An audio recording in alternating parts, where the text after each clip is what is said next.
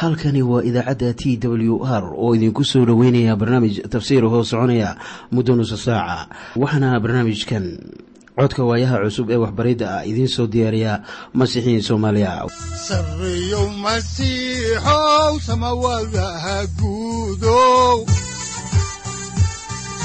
Siraadkii adduunkow subanaha eebow sareyow masiixow samawadaha guudow siraadkii adduunkow subanaha eebow adigoo samada jiro ifkaan soo saldhiganba adigoo samada jiro ifkaan soo saldhiganba kutubtiisanaye udanogu saaciiday sharxin sifahaaga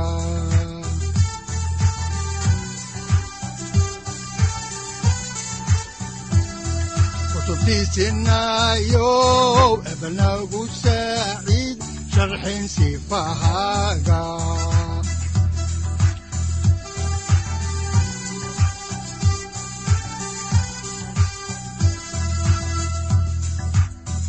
satirow ilaahow adanku su'aalne satirow ilaahow ku soo dhowaada dhegaystayaal barnaamijkeenna dhammaantiinba. Waxaannu horay u sii wadi doonnaa darasaadkii la magac baxay baibalka dhammaantii. Innaga oo caaway idinka sii ambaqaadi doonnaa halkii uu inoo joogay cutubka lixaad ee kitaabkii labaad ee muuse oo la yidhaahdo baxniintii mawduuca cutubkan lixaadii ka kooban yahana waxa ay kala yihiin sidaad ogtihiinba jawaabtii jehova ka bixiyey baryootankii muuse. Marka la leeyahay jehova waa ilaaha israa'iil. Labo qaybo ka mid ah abtirsinyada israa'iil iyo saddex cusboonaysiintii diristii muuse. Markii noogu dambeysay waxaannu ka faalloonaynay toddoba goor ee ilaah ku dhaartay inuu reer banu israa'iil ka samato bixinayo fircoon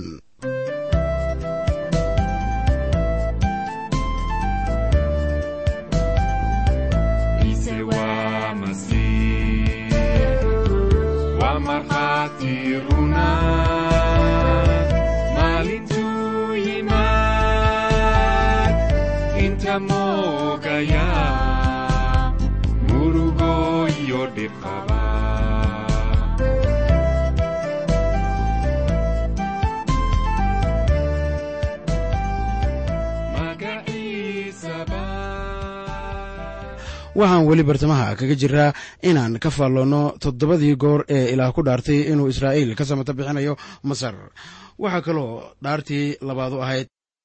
Waxaan idinka samato bixinayaa addoonsiga masar ilaah waxa uu adigaba kaa samato bixinayaa addoonsiga dembiga. Waxaa kale ee uu yidhi ilaah waxaan idinku soo furan doonaa gacan fidsan waana gacantii xoogga lahayd ee uu ka hadlay nebi ishaaciya markuu lahaa sida ku qoran ishaaciyaha cutubka konton iyo saddex aayadda koowaad ay ahayd bal yaa warkaygii rumaystay oo yaa gacantii rabbiga loo muujiyey anigu garan maayo kan loo muujiyey. Ilaa waxa uu doonayaa in uu sameeyo hawsha furashada ee nolosha iyo niyadaha ragga iyo haweenka maanta laga samato bixinayo dembiga. Mid waliba oo inaga mid a waxa uu u baahan yahay badbaadiye kan ka soo wada dembiga. Waayo waxaynu innaga oo dhan ilaah hortii ka nahay sida calal wasakha aad buu inoo jeclaaday taasoo keentay in wiilkiisu noo dhinto si laynoo badbaadiyo. Haddii sayidku sidaas doonay waa inaan innaguna doonno inaan ilaah ugu nimaadno sida dembiilayaal. Haddii aynu rumaysadkeenna saaranno hawsha ciise masiix inoo hayo innaga waannu badbaadaynaa ilaa waxa uu inoo hayaa qorshe nabaaddiino. Waase haddii dadku qorshahaas soo raadsadaan waxaana uu idinku samato bixinayaa gacan fidsan. Markii afraadna waxa uu yidhi waxaan idiin qaadan doonaa sida dadkayga. Bal taas ka feker ilaa waxa uu inaga soo qaaday dhiriiqda iyo dhoobada dembiga waxaana uu inaga dhigay wiilashiisii. Markaan rumaysad ku qaabilnay ciise masiix waxa uu haatan inoo sheegayaa oo uu ina leeyahay waxaan idiin noqonayaa ilaah ilaa intuu ina badbaadiyo. Haddana iska tegi maayo waxaase uu doonayaa inuu ahaado ilaaheenna haddii aad xaqiiqo ahaan badbaaday u noolaan maysid sida mid aaminsan inaanu ilaah jirin. Haddii aad ku kalsoonaatay ciise masiix inuu yahay badbaadiyahaaga taas waxa ay beddelaysaa noloshaada.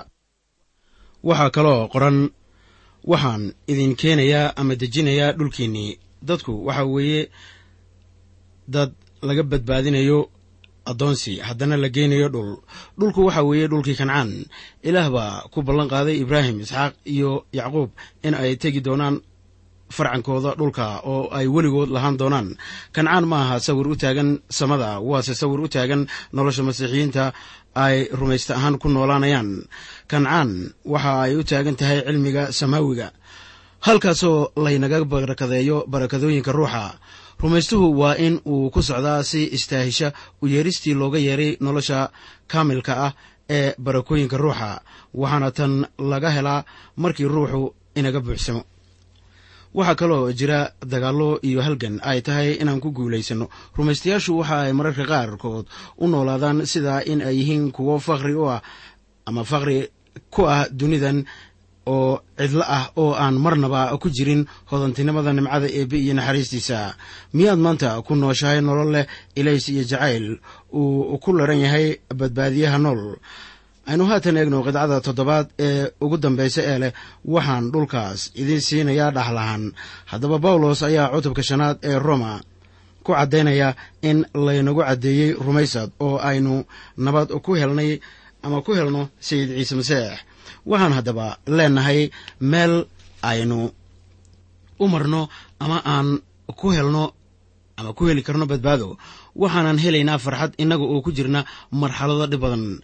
Waxaa layna siiyey ruuxa quduuska ah ee ilaah. Waa kuweena masiixiyiinta ah si uu inoogu jiro oo waxaa laynoo caddeeyey jacaylka rabbiga. Waxaa laynaga samete bixiyey caradii imanaysay. Waxaanan gelaynaa badbaadada wakhtiga dhibka weynu jiro haddaba badbaado caynkee abaad maanta haysataa saaxiib taasoo aad dadka u sheegto. Marka noloshaadii ayan isbeddelin oo wax lagaa samato bixiyana aan la arag. Haddaba waxaa jira dad inta kiniisado ka qayb galaan ismooda inay badbaadeen laakiin noloshooda aan lagu arag wax isbeddela oo muuqda. Dadkaasu weli waxa ay ku socdaan noloshoodii hore welina ma lahan nolosha cusub ee lagu helo aqbalaadda ama qaabilaadda aan idhaahda ciise masiix haddii aad ka mid tahay dadka caynkaasa waxaa kuu wanaagsan inaad eegto guulaha noloshaadu ay yeelatay. Dabadeetana waxaa kuu soo baxaya inaadan lahayn ama aadan muujinaynin jacaylka ciise masiix waxaa ciise ku yidhi xertiisa waa inaad isjeclaataan sidaan idiin jeclaaday. Haddaba waa muhiim. Haddaynu masiixiyiin nahay inaan nolosheenna ka baarno jacayl isbeddel iyo hanuun dhaba aayadaha soo socda ayaa inoo sheegaya dhaxalkeenna iyo qaabka guud ee badbaadada ama nabaadiinada haddaan horay u sii ambaqaadno kitaabka baxniintii oo markii ugu horreysay idiin akhrino ayaa waxaa ku qoran cutubka lixaad aayadda sagaalaad sida tan. Muusena sidaasuu reer banu israa'iil ula hadlay laakiinse ma ayan maqlin muuse. Caloolxumadooda iyo addoonsiga aan looga turaynin aawadood. Markan niyaddaadu waxa ay la jiraysaa carruurtii israa'iil marka ay ku jiraan marxaladda cayinkana waxa ay arkeen ama soo gaareen heer ayan rumayn karin hadallada muuse iyadoo ay ugu wacan tahay inaanu caawimaad ka geysan dhibka haya laakiin bay islahaayeen. Waxa uu mas'uul ka yahay culaabtooda badatay. Haddaan halka ka sii wadno kitaabka ayaa waxaa ku qoran cutubka lixaad aayadaha toban ilaa saddex iyo toban sida tan markaasaa rabbigu muuse la hadlay isagoo leh fircoon oo ah boqorka masar u tag oo la hadal si uu u sii daayo reer binu israa'iil si ay dalkiisa uga baxaan. Markaasaa muuse rabbiga la hadlay oo waxa uu ku yidhi baleeg reer binu israa'iil ima maqline. Dee haddaba sidee buu fircoon ii maqli doonaa? Anigoo aan bushimaha ka xalaalaysnayn markaasaa rabbigu waxa uu la hadlay muuse iyo haaruun oo amar buu u soo faray reer binu israa'iil iyo boqorkii masar oo ahaa fircoon inay reer binu israa'iil ka soo wadaan dalka masar. Muuse ma ay aqbali karin reer binu israa'iil. Fircoonna ma uusan aqbalin. Ilaah waxa uu u sheegay inuu la hadlo fircoon mar kale. Muusena wuu cagajiidayey indhihiisuna waxay eegayeen xaaladda. Mase eegaynin ilaah. Iminkana aynu eegno maaddo ku saabsan abtirka israa'iil ilaa si taxadar leh ayaa uu mar kale u qorayaa qoyskii israa'iil. Taasuna waa arrin muhiima markaan eegno axdigii hore. Sida daacadda in la akhriyo magacyadaasoo dhan waxa ay keenaysaa inaan ku caajisno laakiin ilaah qiimi bay u leeyihiin. Waxa uu ku adkaysanayaa in magacyada abtirka la qoro. Ilaah waxa uu inaga doonayaa inaan ogaano kan aanu akhriyeyno iyo kuwa ay carruurtiisu yihiin ilaah waxa uu dareemayaa isla sidaas marka ay joogto aniga iyo adiga waxa uu inaga doonayaa inaan ahaano wiilashii ilaah. Innaga uu rumaysad ku qabnaa ciise masiix. Haddaan halkii ka sii wadno ayaa waxaa ku qoran cutubka lixaad aayadaha afar iyo toban ilaa lix iyo toban sida kuwanu waa madaxdii reerihii awooyaashood kuwanu waa reer ruben oo ahaa curadkii israa'iil. Waxaana ay kala ahaayeen xanoog iyo falluu iyo xisroon iyo karmi. Kuwanu waa qolooyinkii reer ruben reer simecoonna waa kuwan yamu'eel iyo yaamiin iyo ohad iyo yaakiin iyo sohar iyo shaa'uul oo ahaa wiilkii ay naag reer kancaanihii dhashay. Kuwanu waa qolooyinkii reer simecoon kuwanuna waa reer laawi. Magacyadoodii iyo sidii farcankoodii kala ahaa ama ay kala ahaayeen gershoon iyo qaxad iyo marari. Waa saddexdii uu laawi dhalay. Oo laawi cimrigiisu waxauu ahaa boqol iyo toddoba iyo soddon sannadood. Gershoom qaxad iyo marari ayaa waxay ahaayeen saddexdii wiil ee laawi waxay ahaayeen nimankii taambuuga ku sidi jiray cidlada magaca kohen ayaa waxa uu ka soo jeedaa kohath. Laakiin badanaa yuhuudda maanta ayaan sheegi karaynin qabiilka magacaas iska lahaan jiray. Haddaba qoritaanka magacyada waa muhiim. Waayo magacyadan ayaa sida abaarta gelaya abtirka ciise masiix haddaan halkii ka sii wadno kitaabka baxniintii cutubka lixaad aayadaha siddeed iyo toban ilaa labaatan ayaa waxaa ku qoran reer qaxadna waa camraan iyo isahaar iyo xebroon iyo cusi'eel oo qaaxaad cimrigiisiina waxa uu ahaa boqol iyo soddon sannadood. Reer mararina waa maxlii iyo mushii. Kuwanuna waa qolooyinkii reer laawi iyo sida ay farcankoodii kala ahaayeen oo camraan waxa uu guursaday yokebed oo eeddadiis ahayd oo waxa ay u dhashay haaruun iyo muuse oo camraan cimrigiisiina waxa uu ahaa boqol iyo toddoba iyo soddon sannadood. Qidcadan waalidiintii haaruun iyo muuse ayaa lagu sheegay waa camraan iyo xaaskiisii yokebed. Su'aasha laysweydiinayana waxaa weeye maxaa noloshii haaruun iyo muuse ayan u saamaynaynin amarkii ahaa in la dilo cibraaniyada dhasho ee fircoon bixiyey jawaabtu waxay noqonaysaa haaruun wuu ka weynaa muuse oo amarkanu markaas ma uusan soo bixin. Waa markii haaruun dhalanayay e amarkanu sooma bixin ilaa fircoon arkay sida israa'iiliyiintu u tarmayeen. Markaa kadib ayaa uu amar bixiyey. Aayadahan soo socda ayaa waxa ay khuseeyaan abtirka waxaanan doonayaa inaan maladayda ku cabiro aayadda lix iyo labaatanaad. Haddaan halkaa ka sii wadno xigashada ayaa waxaa ku qoran cutubka lixaad aayadaha lix iyo labaatan ilaa toddoba iyo labaatan sida tan. Kuwanu waa haaruun iyo muuse kuwii rabbigu ku yidhi reer binu israa'iil ka soo wada dalka masar sida ay dadkooda guutooyinkoodu yihiin. Kuwanuna waa kuwii la hadlay boqorkii masar oo fircoon ahaa inuu dalka masar ka bixiyo reer binu israa'iil. Iyagu waa muusehaas iyo haaruunkaas waxaan ku aragnay aayadda labiyo tobnaad in muuse niyo jabay marka ay halkan joogto ilaah ayaa soo gelaya waxaana uu siinayaa taariikhda kan muuse ahaa. Waa inuu oofiyaa wixii uu sheegay ka hor intaanu carruurtii israa'iil samata bixinin. Waxaa jira maanta kuwo leh ma ahan wax loo baahan yahay in la rumeeyo dhalashadii bikradda uu ka dhashay masiixu. Waxaan leeyahay taasu waa aasaaska rumaysadka. Waana qayb ka mid a sifaha masiixa. Maahan inaad ku noolaato dhalashadiisii bikradda uu ka dhashay in lagu badbaadayo aawadeed markii aan aaminay masiixa mana aanan ogeyn in ciise ka dhashay bikrad waa in aad ku kalsoonaato xitaa dhimashadiisii iyo sarakicidiisii si aad ku badbaado. Laakiin markii aad badbaado waad garanaysaa kan uu yahay. Markii aad ogaato ama garato isaga waxaad ogaanaysaa in uu ka dhashay bikrad haddii uusan ka dhalan bikrad dabeeto waxaad samaynaysaa khalad in aad ku kalsoonaato waayo isagu ma ahan waxa uu sheeganayo inuu yahay. Haddaba ma jirin nin dhab ahaan loo badbaadiyey oo diidaya ama inkiraya dhalashadii uu ciise ka dhashay bikradda. Waxaa kaloo muhiima in muuse iyo haaruun ay yihiin waxa ay sheeganayaan. Waxaa haatan laga joogaa afartan sannadood wakhtigii muuse ka tegey masar. Haddaba wuxuu guursaday gabadhii wadaadkii midyaan. Haatan waxa uu ku soo noqday masar. Yuu ahaa haddaba abtirkan waxa uu inoo sheegayaa kan uu yahay. Wuxuuna ka farcamay qabiilka laawi oo aabbihii iyo hooyadiis waxa ay kala haayeen camraan iyo yokebed abtirkan ayaa ilaah inagu siinaya aqoonsiga lagu dhammaystirayo hawsha loo soo diray muuse in uu ka sameeyo masar.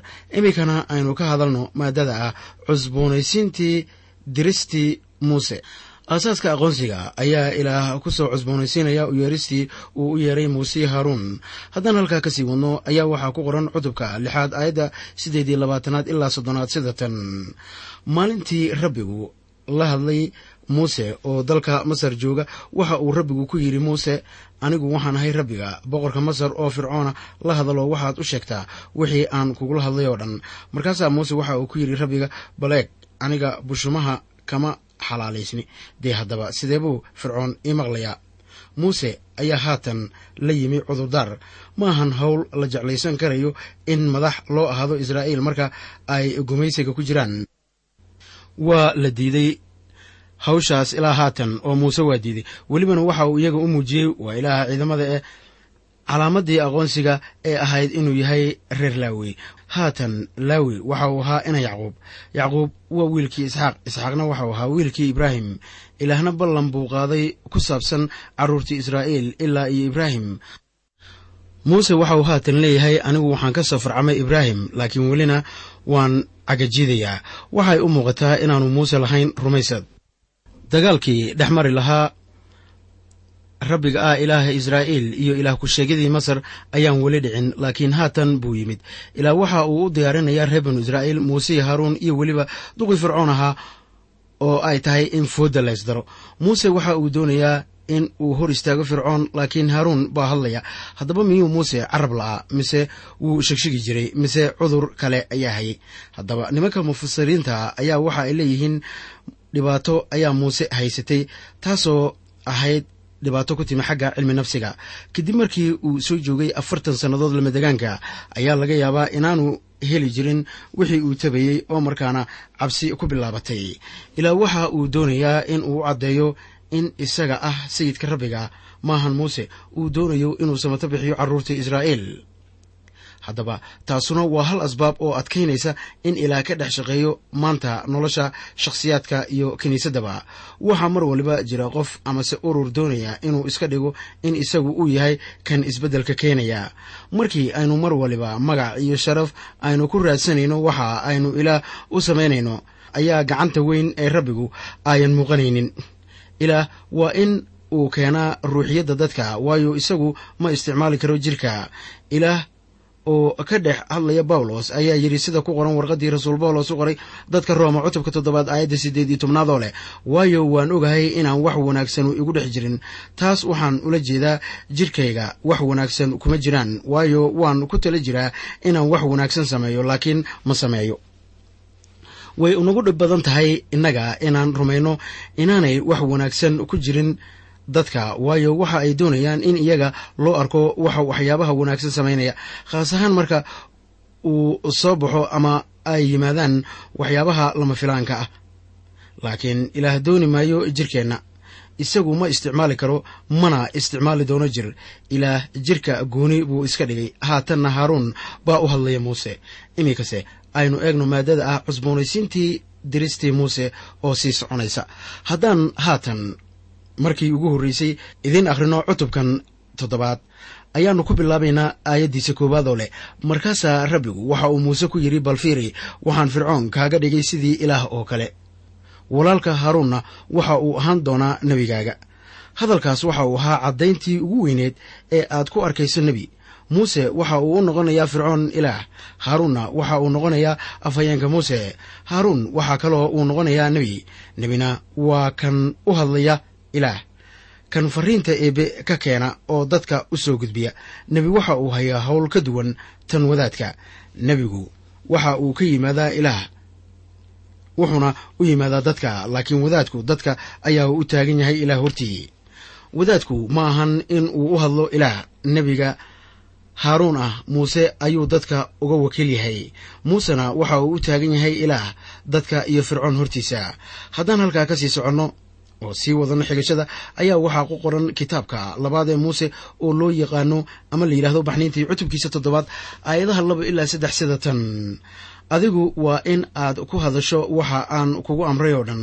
Walaalka haaruunna waa inuu fircoon la hadlo si uu reer binu israa'iil u sii daayo si ay dalkiisa uga baxaan oo fircoon qalbigiisiina waan qalafin doonaa calaamooyinkayga iyo cajaa'ibyadeydana waa ku badin doonaa dalka masar maxay ka macno tahay? Waan adkayn doonaa fircoon qalbigiisa.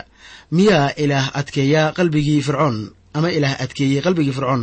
Haa laakiin sidan aanu u sharaxayno ayuu u adkeeyey.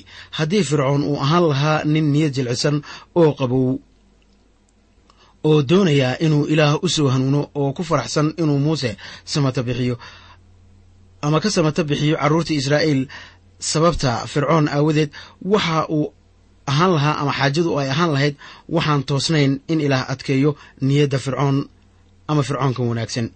Haddii ay sidaas kula noqotay ama kula tahay si xun ayaad u fahamtay. Marka la leeyahay niyadda fircoon baa la adkaynayaa waa hadal sarbeeb ah oo loola jeedo waa la qallafinayaa ama la duubayaa sida xarig loo duubo. Waxaa kaloo ay noqonaysaa in la qallafiyo niyadda fircoon. Wuxuu doonayaa in uu muujiyo waxa ku jira niyadda ilaah waxa uu ku khasbayaa in uu sameeyo fircoon waxa uu doonayey in uu xaqiiq ahaan sameeyo. Haddaan halkaa qisada ku soo dhaafno ayaan haatan waxaan si toosa u soo gelaynaa xigashada kitaabka oo waxaanu eegaynaa cutubka toddobaad aayadaha afar ilaa shan waxaana qoran sida tan. Laakiin fircoon kuma maqli doono markaasaan gacantayda saari doonaa masar oo aan soo bixin doonaa ciidankayga oo ah dadkayga reer binu israa'iil. Waanan kaga soo saari doonaa xukumo waaweyn dalka masar markaasaa masriyiintu ogaan doonaan inaan anigu rabbiga ahay. Markii aan gacantayda masar ku korfidiyo oo aan reer binu israa'iil ka dhex bixiyo iyaga. Markaan dhanka kale ka eegno qidcadaas aan akhrinay fircoon waxaa laga kor muujinayaa waxa uu yahay waxaa muuqanaysa waxa uu yahay. Rabbiga ah ilaaha reer binu israa'iil masaarida waxa ay ogaan doonaan oo israa'iil u soo baxaysa in muuse iyo haaruun raalli laga ahaado. Weli waxaynu ku jirnaa xigashadii aynu haatanna eegno. Cutubka toddobaad aayadaha lix ilaa toddoba waxaana qoran markaasaa muuse iyo haaruun sidaas yeeleen sidii rabbigu ku amray ayay yeeleen. Muusena markaas waxa uu jiray siddeetan sannadood. Haaruunna waxa uu jiray saddex iyo siddeetan sannadood. Markay fircoon la hadleen haaruun waxa uu muuse ka weynaa saddex sannadood. Weli fari kama qodna xigashada kitaabka. Haatanna aynu eegno aayadaha siddeed ilaa sagaaloo leh. Markaasaa rabbigu la hadlay muuse iyo haaruun oo waxa uu ku yidhi markii fircoon idinla hadlo. Oo idinku yidhaahdo cajaa'ib itusa markaas waxaad haaruun ku tidhaahdaan ushaada qaado oo fircoon hortiisa ku tuur si ay abeeso u noqoto. Fircoon waa inuu muuse iyo haaruun weydiiyaa maxaa laydinku aqoonsanayaa? Waad i hor timaadeen waxaanad la timaadeen dalabkan. Weyn. Haatanna waxaad ii muujisaan awooddiinna. Haaruun ushiisu waxay ahayd haddaba astaan awoodeed. Iminkana aynu eegno maaddada ah saaxiriintii masar haddaan halkii ka sii wadno kitaabka ayaa waxaa ku qoran kitaabka baxnayntii cutubka toddobaad aayadda tobanaad sida tan. Markaasaa muuse iyo haaruun waxa ay u tageen fircoon oo waxa ay yeeleen sidii rabbigu ku amray markaasaa haaruun ushiisii ku hor tuuray fircoon iyo addoommadiisii oo waxa ay noqotay abeeso waxaa haddaba jira su'aal ka imanaysa ereyga ah abeeso ee ku qoran qidcadan. Waayo waxaanu haynaa qiso aan dheerayn oo ka hadlaysa maska masar. Dabcan kelmadda la isticmaalay waa yaxaas. Wakhtiyadii muuse waxaa jiray ciddood aad u badan oo ku noolaa webiga niil iyo waraha ku yaalla dhulka oo dhan. Ushii waxaa isku rigtay haddaba yaxaas. Marka aynu baranayno balaayooyinka masar lagu soo daayey ayaan arkaynaa in laga hadlayo waxyaabo ku saabsan duurjoogta. Waxaa taasu noqonaysaa in ilaahyada masar ay ahaayeen xayawaan amase shimbiro amase cayayaan. Bawlos oo wax ka qoraya ilaah ku-sheegyada masar baa yidhi sida ku qoran warqaddii reer rooma cutubka koowaad aayadaha labaiyo labaatan ilaa saddex iyo labaatan sida iyagoo kuwo caqli leh isku sheegaya ayaa ay nacasoobeen ammaantii ilaaha aan dhimanin ayay ku beddeleen sanam u eg nin dhimanaya iyo haad iyo xayawaan iyo waxa boga ku gurguurtaa masaaridu wax waliba calaamad bay u yeeli jireen. Fikraddahason bay soo qaadanayaan waxaana ay ku xardhayaan derbiyada oo muuqaal bay ka dhigayaan. Waxa ay lahaayeen ilaah ku sheegyo u taagan nooc waliba oo nolosha ah. Waxa ay ka tageenna ma jiraan. Waxa ay ka yimaadeen caabudista halila waxaana ay noqdeen kuwo ilaah ku sheegyo badan caabuda. Sidii sa willis baj yiriba waxa ay rumaysnaayeen inuu jiro hal ilaaho weyn oo qaadira oo baaqi ah weligiina nool. Nasiib darase waxa ay la ahayd in ilaaha sidaa u weyn aanu xiise u haynin xaaladaha dadka. Haddaan dib ugu noqonno kitaabka baxniintii cutubka toddobaad aayadda koob iyo tobnaad ayaa waxaa qoran fircoonna markaasuu wuxuu u yeedhay raggii xigmadda lahaa iyo saaxiriintii markaasaa faalaluuyadii masarna iyana yeeleen sidii si la eg oo falfalkoodii ku sameeyeen. Saaxiriintii masar ayaa iyana sameeyey. Mid la mid ah mucjisadii ushii haruun laga yaabo inay wacan tahay inaan nidhaahno mucjisadaas indhasarcaad bay ku sameeyeen. Wax kasta ee ay sameeyeen iyo sidii ay ku sameeyeenba si fiican bay u sameeyeen. Bawlos haddaba hadal buu arrinka ka leeyahay sida ku qoran warqaddii labaad ee timoteos cutubka saddexaad aayaddii siddeedaad oo leh sida yanes iyo yambres isu hortaageen muuse saas oo kale kuwanuna runta isku hortaagaan. Waana niman maankoodu kharribmay oo xagga iimaankana laga nacay haddaba nimankanu waxa ay ishortaageen ama ka madax adeegeen ilaaha baaqiga ee runta. Haddaan halkii ka sii wadno ayaa waxaa ku qoran kitaabka baxniintii cutubka toddobaad aayadaha labaiyo toban ilaa saddex iyo toban oo leh waayo nin walba waxa uu tuuray ushiisii. Markaase waxa ay noqdeen abeesooyin laakiinse ushii haaruun baa wada liqday ulahoodii oo dhan. Qalbigii fircoonna wuu sii qallafsanaaday mana uu dhegaysanin iyagii sidii rabbiguba yidhi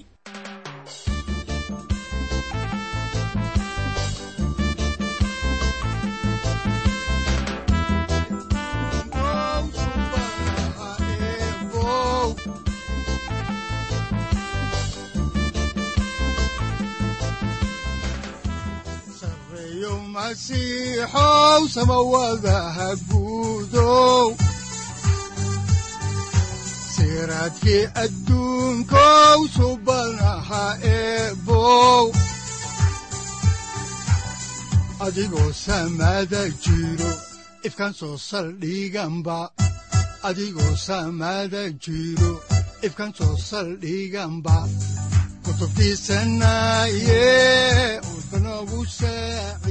halkani waa t w r idaacadda t w r oo idinku leh ilaa ha idin barakeeyo oo ha idinku anfaco wixii aad caawi ka maqasheen barnaamijka.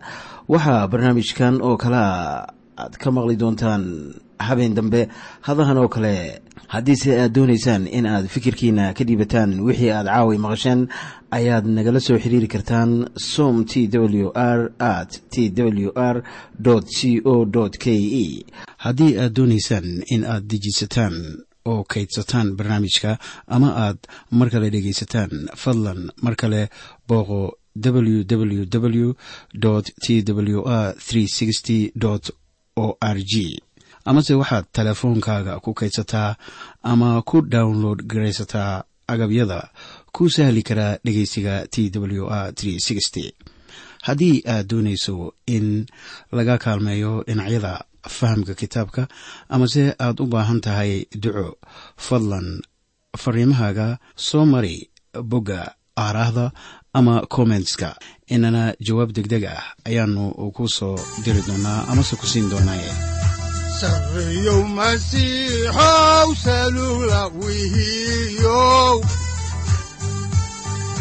saacadda timid dhulka sabada ku dhalatiyo